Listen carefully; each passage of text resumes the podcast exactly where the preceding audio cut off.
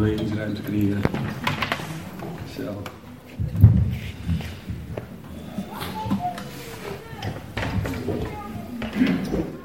Zo. Goedemorgen. Wil een beetje rondkijken hoor, vind ik altijd even leuk. Niet om. Uh... Het is zo'n, je staat hier zo vooraan en dan is het soms, voelt het zo'n afstand. Hè? Heb je dat gevoel, heb je dat niet? Ik, ik heb dat soms. Dus ik vind het fijn om altijd even te, te levelen. Ik zou willen, willen, moet ik op het podium of mag ik er ook voor? Dus ik mag je zelf kiezen. Maar toen werd het ding hier neergezet en werd voor mij gekozen. Daar ben ik heel blij om. Ik zit graag bij jullie. Um, het is voor mij best wel lang geleden dat ik uh, bij Leef Zutphen ben geweest. Ik zei net, volgens mij was het vorige keer in die andere school, maar dat was niet waar. Daartussen heb ik natuurlijk nog in de bioscoop gezeten. Daar ben ik ook nog bij geweest. Maar om mezelf een beetje voor te stellen, ik ga met jullie best wel ver terug. Um, twintig jaar om wel te zeggen. Twintig jaar ken, kennen wij elkaar al. Leef Zutphen en, en Robert. Want uh, ongeveer 20 jaar geleden, denk ik, is, is Leef Zutphen gestart. Klopt het ongeveer? Ja? Wie was daarbij? Doe eens even een paar handen. Moet eens kijken hoeveel mensen daarbij waren. ja, bekende gezichten. 20 jaar geleden startte ook Leef Doetinchem. En, uh, en dat is toevallig de kerk waar ik in zit. Dus ik wil je ook de hartelijke groeten overbrengen van Leef Doetinchem. Aan jullie. We zeggen groetjes terug, ga ik zeker doen. Twintig jaar zijn wij nu al kerk aan het bouwen in, in Zutphen en in Doetinchem. En we zijn destijds was ook in, nog in, uh, in Nijmegen gestart. de Brea Nijmegen. En het is er ook nog steeds. En, uh, en het is geweldig. Het is leuk om die band te hebben. Dus, dus ik voel me verbonden met Leef Zutphen. En uh, ik kom hier dus ook als, als soort van thuis. Dus ik hoop, ik hoop dat dat ook oké is. Dat ik gewoon doe alsof ik thuis ben. En uh, ik, ben, ik ben trouwens getrouwd met Natanja. Uh, iets langer dan 20 jaar. Uh, we hebben drie kinderen. Seth, die is 17. Uh, en Noelie, die is 15.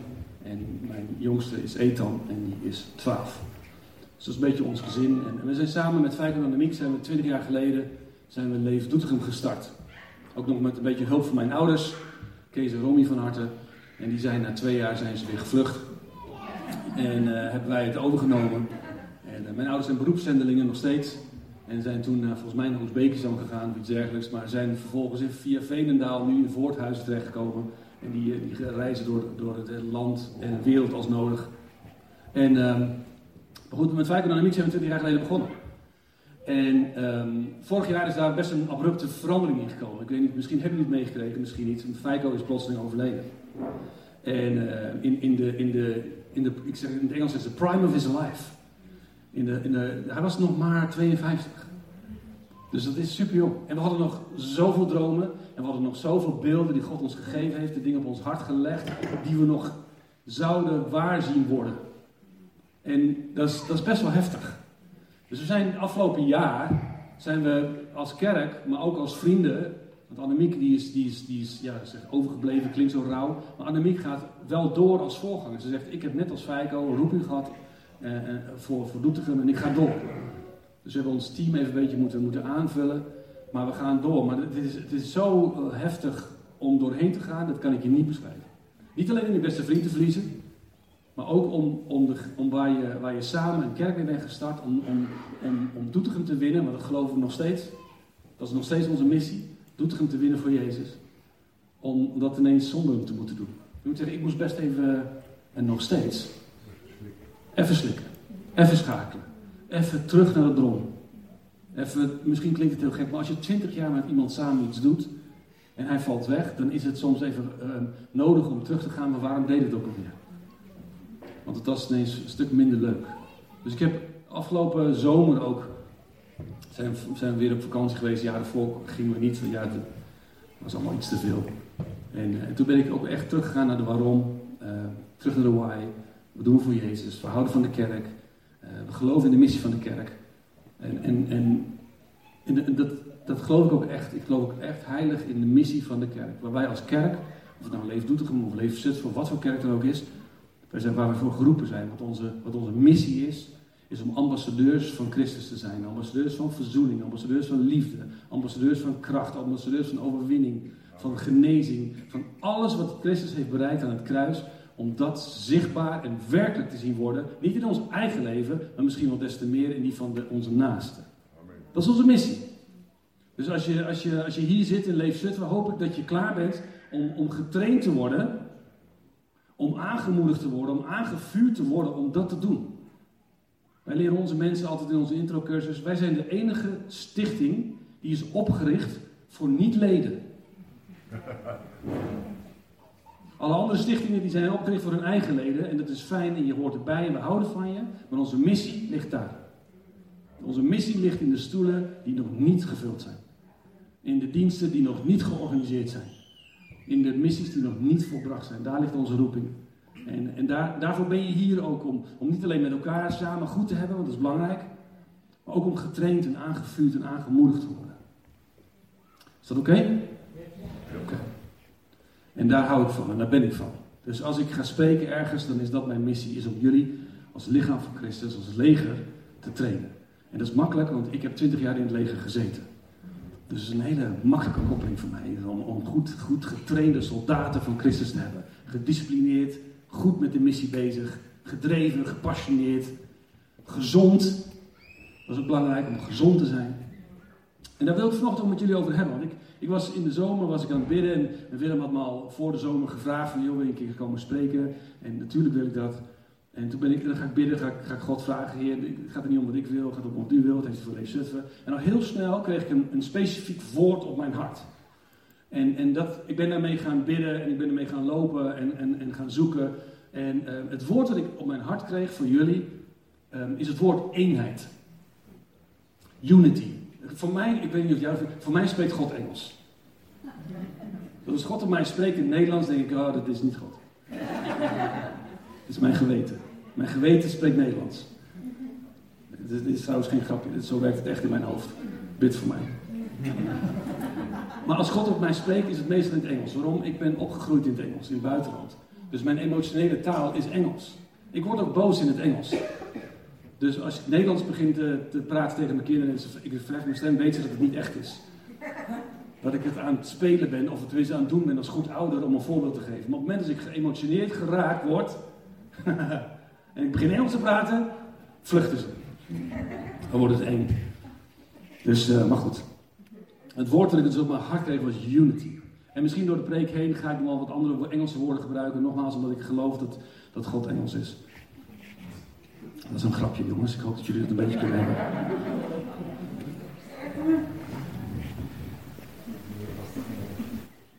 Want uh, eenheid heeft alles te maken met, met, met gezamenlijk dezelfde visie dragen. En uh, in, in de zending waar ik opgegroeid ben, is er, een, is er een uitspraak die gaat over Nederlanders. Niet over jullie, maar over andere Nederlanders. Andere kerken, niet, niet jullie kerk. Maar die, die zegt dit. Eén Nederlander een gelovige. Twee Nederlanders een kerk. Drie Nederlanders een scheuring. Dat is hoe wij in de zending bekend staan. Uh, waarschijnlijk is het alleen in de zending, maar niet in Nederland zelf. Maar ergens is dat iets wat, wat, wat, wat uit werd gesproken, wat ik als kind ook wel eens gehoord heb. En waar mijn vader en mijn moeder een enorme last over voelden. Van hoe kan dat toch? En elke keer, want ze hebben meerdere zendelsorganisaties geleid. Elke keer bleek dat waar te zijn. En zolang ik een kerk leid, merk ik dat het ook verbonden zit aan, nou ja, misschien niet alleen Nederlands, maar laten we zeggen westerse gelovigen. Is dat wij heel erg sterk onze eenheid baseren op onze mening en op wat wij vinden. Ik vind dat jij gelijk hebt, dus zijn we één. Dus hebben we een eenheid. En nergens in de Bijbel kom je dat tegen. Er is een, is een leraar ik, die ik heel leuk vind, die heet Andrew Womack. En die zegt dit, die zegt... Opinions are like noses. Everybody has one. And they all have holes in it. Meningen zijn als neuzen. Iedereen heeft er een, zit altijd gaat in. Maar vaak bouwen wij onze keuzes, waarin wij ons durven te, te binden, ons één te laten zijn met anderen, maken wij op basis van onze mening. Vind ik dit juist? Vind ik dit overeenkomstig wat ik vind? Klik ik met die persoon op een mening level? Vaak voelen we ook nog wel met onze buik over klikken, maar daar maken we onze keuzes op. En de kerk in eenheid, of de kerk in Nederland, splitst dus regelmatig op het moment als er een verschil komt in mening. Een tijdje geleden is er een beweging geweest, ook onder Wilkin en zo, een goede vriend van ons. En die heette Wij kiezen voor eenheid. Ken je dat nog? Nog, dat is nog steeds natuurlijk. Maar ik vond het zo mooi, want toen eigenlijk zo duidelijk werd gezegd: eenheid is een keuze. Maar dan is wel de vraag: waar kies je op? Kies je op wat je vindt? Kies je op wat in de gemeente gebeurt voor jezelf of in je gezin of in, in, in, je, in, je, in je connectgroep of wat dan ook? Heb je een connectgroep of kringen? Kringen? Zijn we mee bezig. Mee bezig, gaaf. Kies je dat op basis van wat overeenkomt met wat je vindt of op wat God in je hart spreekt? En daar, daar, daar, dat, dat, dat, dat ligt op mijn hart voor jullie vanochtend, om, om daar even wat in te delen. En, ehm, en misschien wordt het prikkelend. Ik hoop het. Ik hoop dat het prikkelend wordt. Want ik geloof dat het woord van God bedoeld is om ons te prikkelen. Om ons tot bekering te leiden. En jongens, bekering is niet een mega zwaar woord waarin, waarin je e- op één dag bekering in 13 maart 1973 hebt gedaan. Bekering is iets wat wij als christenen iedere dag moeten doen. Moeten blijven doen. En het is iets geweldigs. Het is iets zo moois. Het is een gift die God ons geeft om elke dag door de Heilige Geest ons hart te laten onderzoeken en te zien waar het niet overeenkomstig God woord is. En onze gedachten en onze meningen en onze patronen en onze manier van leven te veranderen. Zodat het weer klopt. Dat, dat, is, dat is bekering. Dus ieder moment waarin je in de Bijbel leest of waarin je, waarin je God zoekt, waarin je de Heilige Geest hoort, is een moment van bekering. Omdat, het, omdat je toetst van, hé, is mijn hart zo? En, en dat is dit moment ook. Ik ga namelijk ook wel, ik ga het hebben over onderwerping. En, en, en net als Nederlanders heel trots zijn, is onderwerping best een heftig woord. Waarin we misschien zelfs een hele nare associatie hebben. Misschien ook een hele nare ervaring mee hebben. Wat heel vaak gebeurt met machtsmisbruik of zo. Dan hebben we een nare ervaring als het gaat over onderwerping. Maar het is een prachtig Bijbels woord. En ik ga je dat zo even laten zien. Als ik überhaupt nog de orde van mijn preek terug kan vinden. Want die is nu al zoek. En, en de preek heet Volg de orde.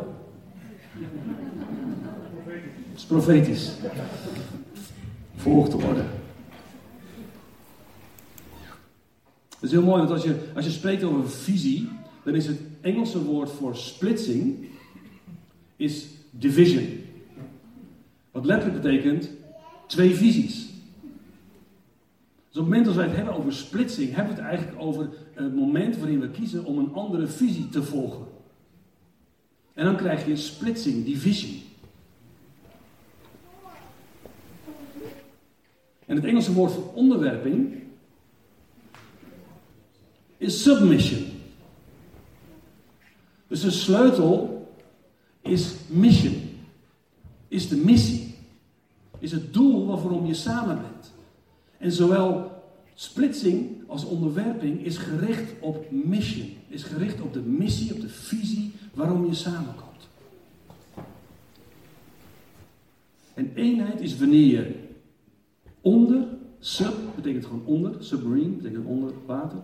Submission betekent onder de missie zet en blijft. Waarin je je onderwerpt aan hetgene wat overkoepelend is voor het geheel. En in de gemeente is dat heel makkelijk, omdat wij heel vaak spreken over onze missie, over onze, over onze, over onze uh, mission die we te doen hebben in onze omgeving.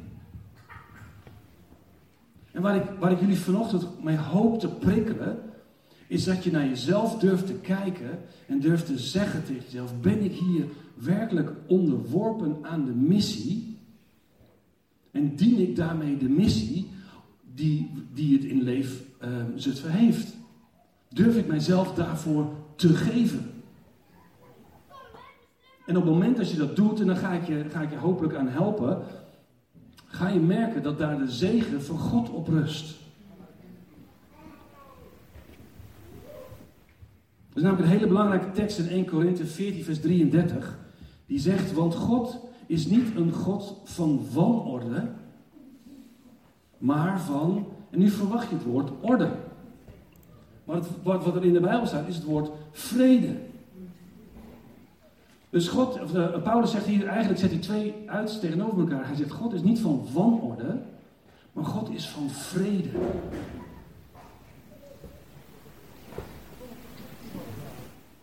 En ik durf dit te zeggen.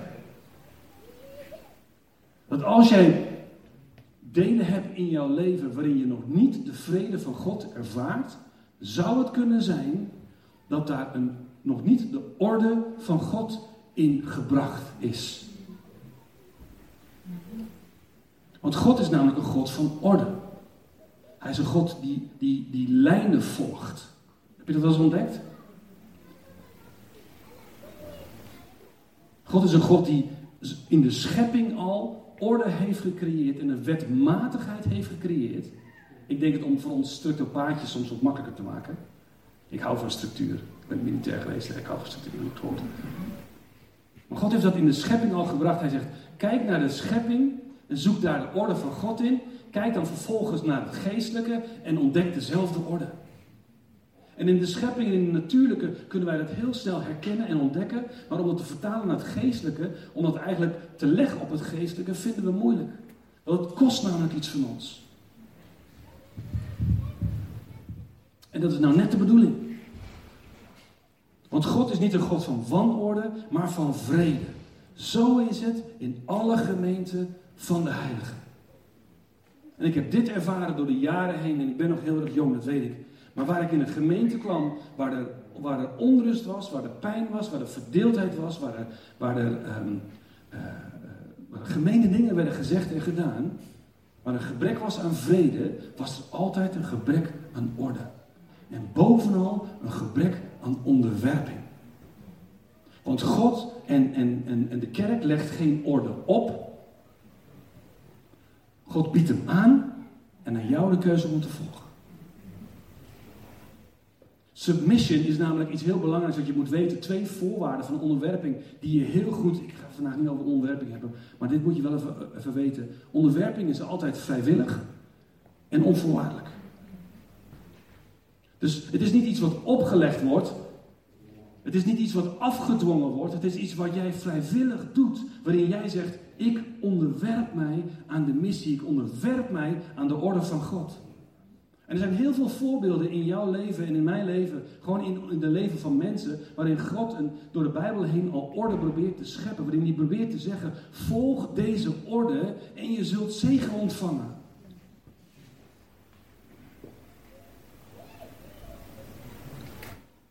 Onderwerp je aan deze orde en er zit zegen in verstopt. Er zit rust in verstopt.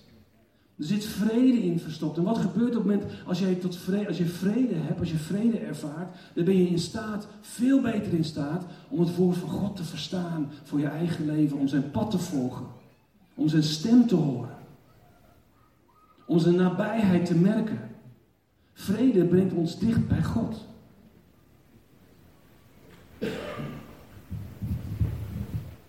Zoals ik al zei, alles wat God gemaakt heeft, heeft een volgorde. Iedereen weet dat als hij wil oogsten, zal hij eerst moeten zaaien. Nou, we weten het. Maar besef je dat? Besef je dat je op het moment dat jij nu aan het bidden bent voor een oogst, dat je jezelf moet afvragen, maar is er ook gezaaid? Of als je in de toekomst een oogst wil zien in jouw leven, moet je beseffen dat het nu vraagt dat je gaat zaaien omdat je namelijk weet dat alles wat ik nu zaai, ga ik straks oogsten. En er zit een volgorde in. Er zit niet een verrassing in. Dat als je volgend jaar, misschien over twee jaar, appels wil hebben, dan moet je toch echt appels gaan zaaien. Er zit een volgorde in. In de kerk voel ik soms dat wij appels aan het zaaien zijn en druiven willen plukken. En soms zelfs verbaasd zijn wanneer we niet de vrucht krijgen die we zoeken. En misschien zelfs elkaar of God daar verantwoordelijk voor houden. Het is belangrijk dat wij de, de, de orde van God gaan ontdekken. Als we hebben over, net als saai en oogsten is bidden en ontvangen, precies hetzelfde. U ontvangt niet omdat u niet bidt. Dan zitten we achterover te wachten tot God iets gaat doen, iets gaat geven. We hebben misschien daar geen zaaitijd voor, voor gereserveerd om ervoor te bidden.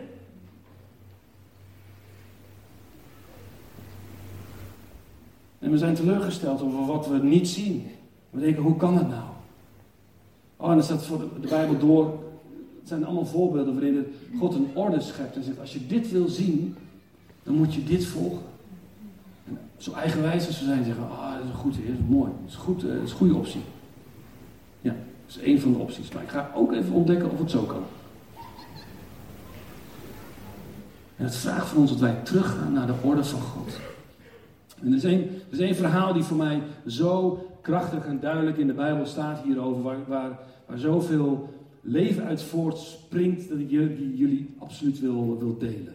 En die staat in Matthäus. Matthäus 8, vers 5 tot 10. Dat staat een heel bijzonder verhaal. En, en, we lezen daar vaak makkelijk overheen. Omdat we eigenlijk aan het einde heel snel gericht zijn op het wonder. En het is ook mooi. Maar een wonder is een vrucht. Het is een, is een, is een uitkomst. Maar het proces daarheen is leerzaam. Dus als we kijken naar het proces daarheen en daarna kijken, dan leren wij dingen. Dan leren wij iets over de orde van God. En dat staat letterlijk in deze tekst. Dus we gaan even samen lezen. Komt die trouwens hierop of niet? Oh, fijn. Maar het is eh, bij ons in de kerk ook altijd zo. Dan zie je mensen die laten hun Bijbels gewoon thuis. Dan denk je, oh, staat toch daar. Is ook zo. Lekker handig. Toen hij Capernaum binnenging, hij is in dit geval Jezus, kwam er een centurio naar hem toe die hem om hulp smeekte. Ik ga er een beetje doorheen om je een beetje context te scheppen. Laat me gewoon erop staan, want de leest zo ver. Maar Jezus komt dus in een plek waarin hij eerder al heeft gezegd van um, uh, deze plekken kunnen geen wonderen gebeuren, want dus hun, harten, hun harten zijn hard. Omdat hij daar ook in die buurt vandaan kwam. Maar hij komt hierin en dan komt er een centurio op. Een centurio is een Romeinse hoofdman. Is een Romeinse bevelhebber in het leger. En het leger is het leger van de bezetter. Dat is, niet een, dat is niet een optioneel leger, die zijn er niet op vakantie. Die zijn er om het volk van Israël te onderdrukken. Om door middel van straf, door middel van kruisiging desnoods, orde te scheppen. En, en, en onderwerping af te dwingen. En, en dat was gruwelijk, dat was heftig. Er gebeurden gebeurde echt heftige dingen. Um, en deze centurio, die ongeveer 100 man onder zich heeft, dat is best wel veel. Dat betekent dus dat hij een hooggeplaatste militair is. Maar een, even in de context, is een hooggeplaatste onderwerper. Ja? Die komt op hem af en die zegt in vers 6: Heer, mijn slaaf ligt thuis verlamd op bed en hij lijdt hevige pijn. Jezus antwoordde hem: Ik zal meegaan en hem genezen. Daarop zei de centurio: Heer, ik ben het niet waard dat u onder mijn dak komt. U hoeft alleen maar te spreken en mijn slaaf zal genezen. Ook ik ben iemand die onder andermans gezag staat en zelf weer soldaten onder zich heeft. En als ik tegen een soldaat zeg ga, dan gaat hij. En tegen een ander zeg kom, dan komt hij. En als ik tegen mijn dienaar zeg doe dit, dan doet hij het. Toen Jezus dit hoorde, toen Jezus dit hoorde, verbaasde hij zich. En hij zei tegen diegenen die hem volgden: Ik verzeker jullie, bij niemand in Israël heb ik zo'n groot geloof gevonden. Jezus heeft in de, in zover wij weten, althans zover is opgeschreven, dit maar twee keer gezegd. Dat er in heel Israël niemand is die zo'n groot geloof heeft. En beide keren ging het niet over een Jood. Eerste, de ene keer ging het dus over, over deze Romeinse hoofdman, de onderdrukker van het Israëlisch volk. En de andere keer ging het over een Syrophonistische vrouw. Die, die hij eigenlijk eerst zei van dit is voor de honden. En vervolgens zei ze, oh maar, maar dat is ook goed. Als mijn kind maar geneest. Over onderwerping gesproken. En beide keren zei hij, ik heb nergens zo'n groot geloof gevonden. Maar hoe, wat hoort Jezus dan dat hij zegt, ik heb nooit, nooit zo'n groot geloof gevonden? Wat zegt deze Romeinse hoofdman eigenlijk? Ten eerste begint hij met meester. Hij onderwerpt zich aan de autoriteit van Christus. Dat is iets heel bijzonders. Want er was geen Jood waar een Romein zich aan onderwierp. Zij waren de overheerser. Maar hij kwam en hij vroeg hem om hulp en hij zegt: Heer of meester staat in een andere vertaling. Dat is een, dat is een woord van onderwerping, van autoriteitplaatsing. Ik ben lager dan u. Dit spreekt over zo'n zacht hart eigenlijk. Maar ook zo'n liefde voor die slaaf. Het is echt een heel bijzonder moment. Ik kan me voorstellen als je erbij was, dat je denkt, oh, er komt een Romeinse hoofdman aan. Nou, dit wordt klappen krijgen. Iemand gaat klappen krijgen. Wie weten we niet. Of er wordt iemand gearresteerd. Of er gaat iemand, het is een grote groep mensen, dus er gaat iets gebeuren. Maar hij onderwerpt zich en hij zegt, ik heb uw hulp nodig. Ik herken u als Heer. Ik onderwerp mij aan uw gezag. Help mij. Dan zegt Jezus, ja, natuurlijk joh. Ik ga wel mee met jou. En dan zegt hij, maar dat hoeft helemaal niet. Hij zegt van, ik begrijp hoe orde werkt. Ik begrijp hoe het in het natuurlijke werkt. Namelijk, als ik tegen een soldaat zeg, ga, dan gaat hij. En tegen een ander zeg, kom, dat is het natuurlijke. We zien elkaar. We zien aan elkaar schouders, althans bij ons in, in Nederland zeggen dan, aan elkaar schouders wie de hogere rang heeft. En je doet wat, van je, wat, wat er tegen je gezegd wordt. Zo werkt dat. Hij zegt, ik begrijp hoe dat werkt. Ik heb een soldaat en ik zeg, ga, dan gaat hij, kom, dan komt hij. En zijn slaaf zegt, doe dit, dan doet hij het. Hij zegt, en omdat ik dat begrijp, weet ik ook hoe dit geestelijk werkt. Namelijk, u hoeft helemaal niet mee. U hoeft alleen maar te spreken en de geestelijke orde volgt u. En als gevolg daarvan zou mijn, mijn, mijn slaaf in het natuurlijke genezen. En Jezus als je dit begrijpt, dan heb je door hoe ik werk. Heb je door hoe het koninkrijk van de hemel werkt. Hoe de orde en de volgorde is. Het begint met onderwerping aan Christus. Heer, u heeft alle macht. U bent veel groter dan ik. Ondanks dat ik hier natuurlijk het recht heb om u te kruisigen. Maar ik besef dat uw autoriteit veel groter is dan die van mij. En ook dat moeten wij in ons leven ook doen. Onze eigen en dan ben je misschien niet een, een overheerser of een Romeinse hoofdman, maar we hebben allemaal onze eigen trots en onze eigen status, die wij moeten onderwerpen aan de wil van Christus en zeggen, Heer, u weet het beter.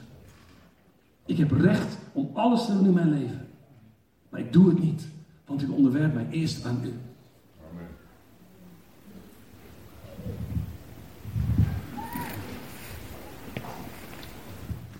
En dan zegt hij dus, u hoeft niet te komen. Ik weet hoe dit werkt. Ik weet hoe orde werkt.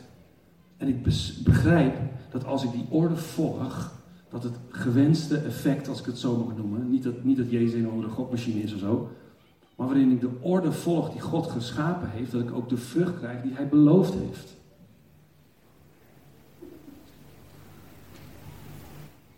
En die orde, let op, het is heel, heel belangrijk dat je beseft, de orde heeft niks te maken met dat iemand belangrijker is dan de ander. Oké? Wij zijn niet gemaakt en geschapen om over mensen te heersen. Als je Genesis leest, dan zijn wij als mens geschapen om over de aarde te heersen en over de dieren en nooit over mensen. Dus ook als er in de, in de Bijbel staat, onderwerp u aan elkaar, ik vind dat een prachtige zin. Onderwerp u aan elkaar, dan heeft het niks te maken met iemand belangrijker achter of iemand belangrijker vinden of, of belangrijker zijn dan de ander. Het heeft te maken met een hartshouding, maar het heeft voornamelijk te maken met communicatie. Orde gaat over communicatie. En dat zie je dus terug in als, in als wordt, wordt geleerd over, uh, er staat in Efeze, over geleerd over onderwerpen aan elkaar, mannen, of vrouwen onderwerpen aan uw man. Weet je, oh, dat is altijd een favoriet stuk om over te spreken.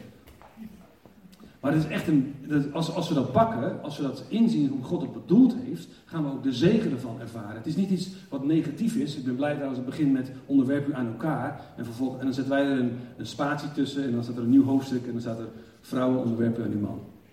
Kennen jullie dat allemaal? Dus, dus, dus in het verleden zo foute theologie over geweest. Maar tegenwoordig, God zij dank, wordt het hersteld. Amen. Begint met onderwerpen aan elkaar. Het begint te beseffen dat God een orde heeft gemaakt, ook in het huwelijk. En dat hij zegt, oké, vrouwen onderwerp u aan uw man. Mannen, hou van uw vrouw. En er zit een volgorde in. Want man is namelijk de hoofd van het gezin. De hoofd is niet belangrijk. De hoofd is waar de communicatie doorheen gaat. En op het moment als wij ons onderwerpen als vrouwen, aan onze man, gaan we de communicatie ervaren die God bedoeld heeft. Op het moment als wij als man gaan gedragen zoals God het bedoeld heeft, gaat God door ons heen spreken en gaat de communicatie hersteld worden in jouw gezin.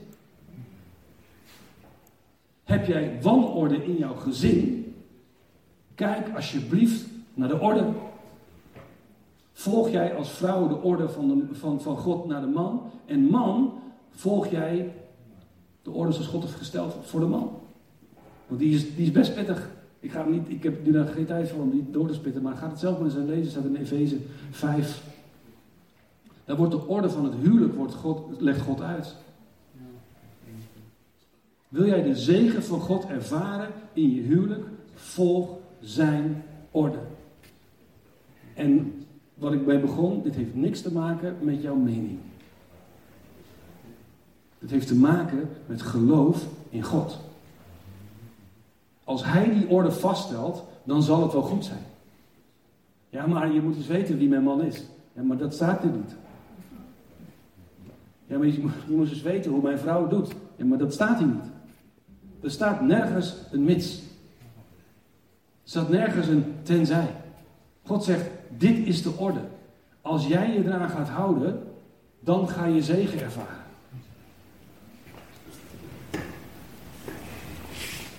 God is niet een God van wanorde, maar van vrede.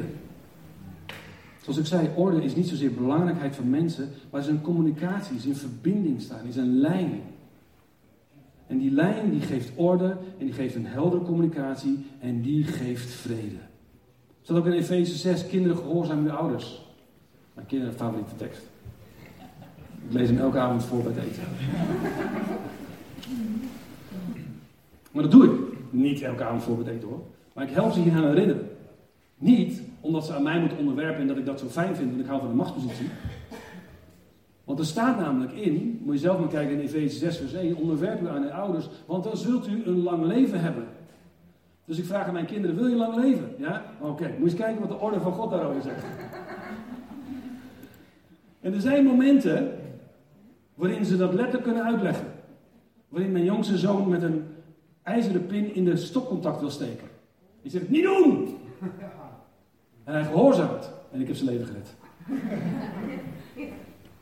Hij krijgt een lange leven. Zo simpel klinkt dat. Maar zo werkt het wel. Durven wij nog aan onze kinderen dit te leren? Dat gehoorzaamheid iets prachtigs is. Dat het een, een vrucht van God is. En dat het hun zegen gaat geven. Dat het niet bedoeld is om overmacht en heerschappij te hebben. Maar dat het wel een risico kan zijn.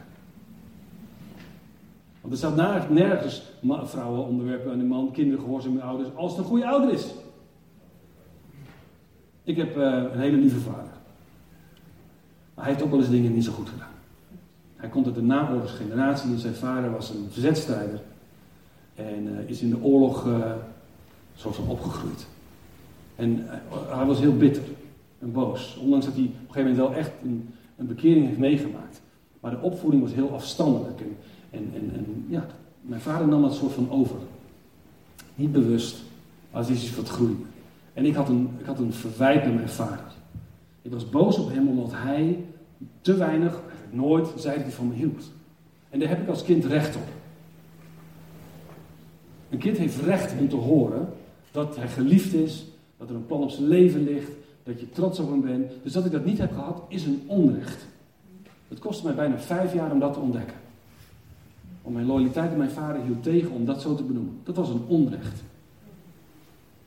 Want een, kind hoort dat te hebben. En ik, ik, dus ik, ik, ik verweet mijn vader, ik was boos op hem. Want ik had zoveel meer moeten hebben dan wat ik eigenlijk. En, en, het gevolg daarvan is dat ik nu hechtingsstoornissen of problematiek heb. En, en dat ik moeilijk vrienden kan houden. En allemaal, allemaal, allemaal moeilijke dingen. Jongens, serieus, bid voor mij. Maar ik verweet hem dat. En het was een dienst en ik zie mezelf nog zitten. Waarin ik dit eigenlijk tegen God zei. En, en er, was, er was een stem, bijna hoorbaar. Ik weet niet of het een hoorbare stem was, maar, maar als de rest het hoorde, dan had ik het geloofd. Want het was zo duidelijk. En God die zei, dat jij, dat jouw vader ehm, dingen hebt gedaan die onrecht zijn, geeft jou nog geen recht om een slechte zoon te zijn.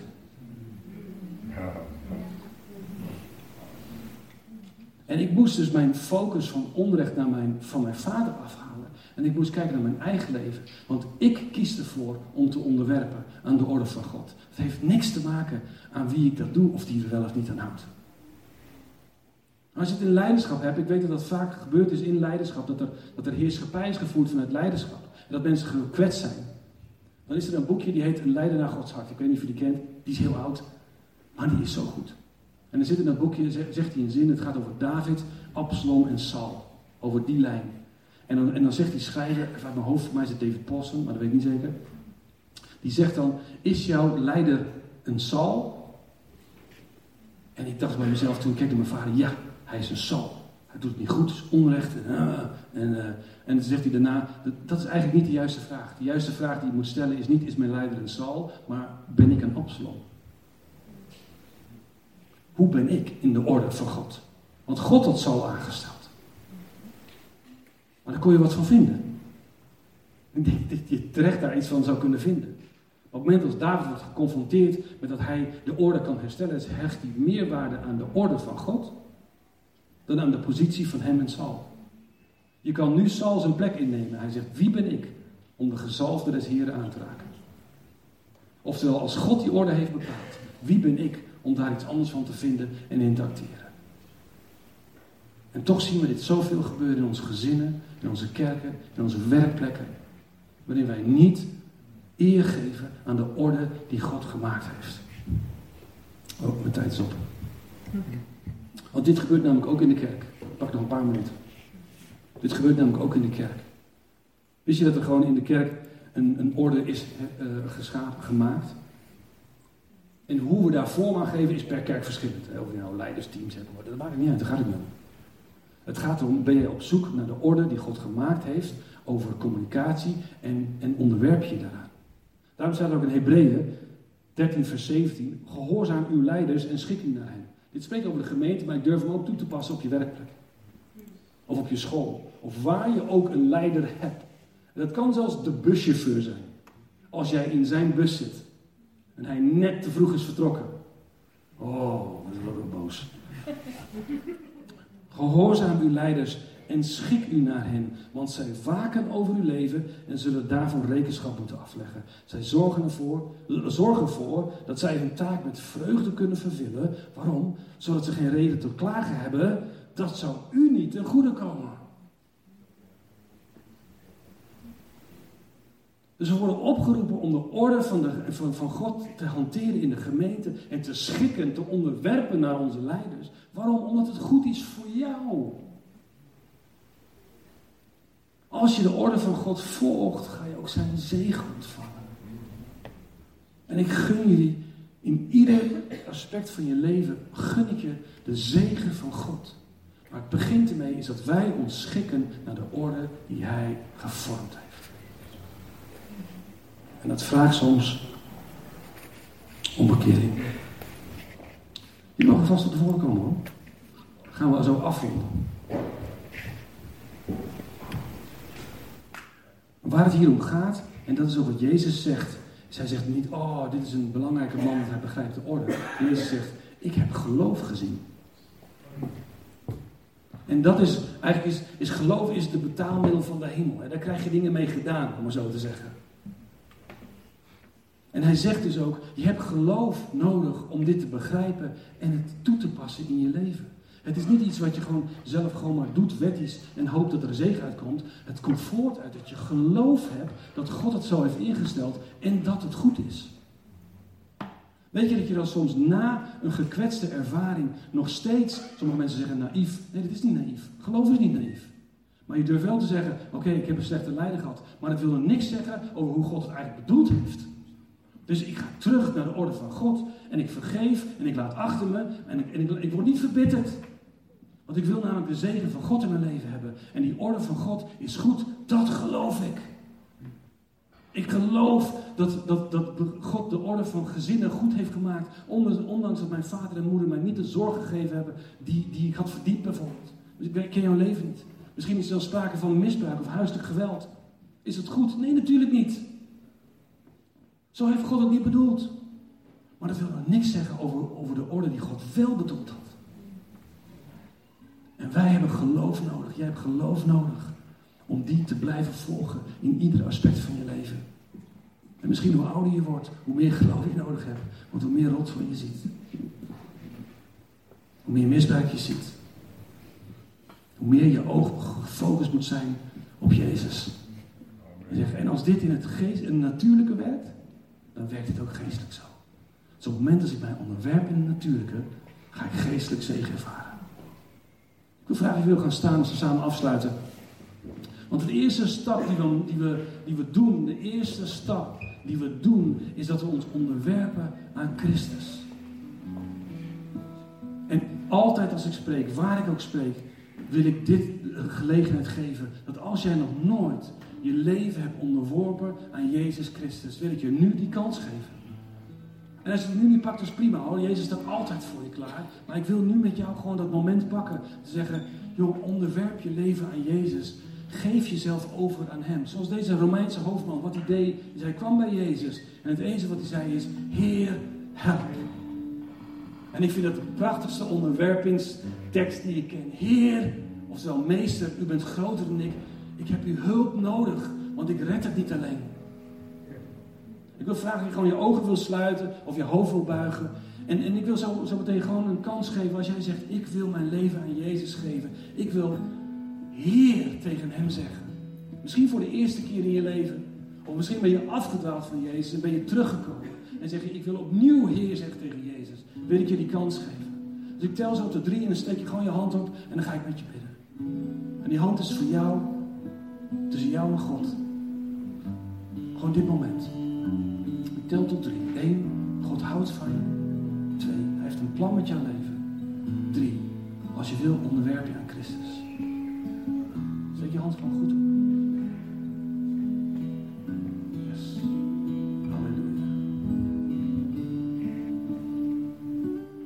In de naam van Jezus mag ik over jullie uitspreken dat jullie zonden zijn vergeven. Niet, door, niet door jouw werk, niet door mijn werk, maar alleen door het werk van Christus. En op het moment dat ja zegt tegen Jezus, jou onderwerpt aan zijn heerschappij, ontvang je daarmee zijn zegen. En zijn zegen is vrede, is leven in overvloed, is een gereinigd geweten, is vrij zijn van zonde en schuld, is genezing en herstel. En ik bid het over jullie uit in Jezus' naam. En voor de rest, voor jullie, voor ons, bid ik de zegen van Gods geest over ons. Die ons helpt naar bekering. Elk moment waarin wij ons eigen pad kiezen. Wanneer we niet doen wat volgens de orde van God is. Dat hij ons helpt om ons terug te brengen. En ik bid over jullie de moed om terug te gaan. De hart van bekering. Om Jezus te volgen en te blijven volgen. Amen. Amen.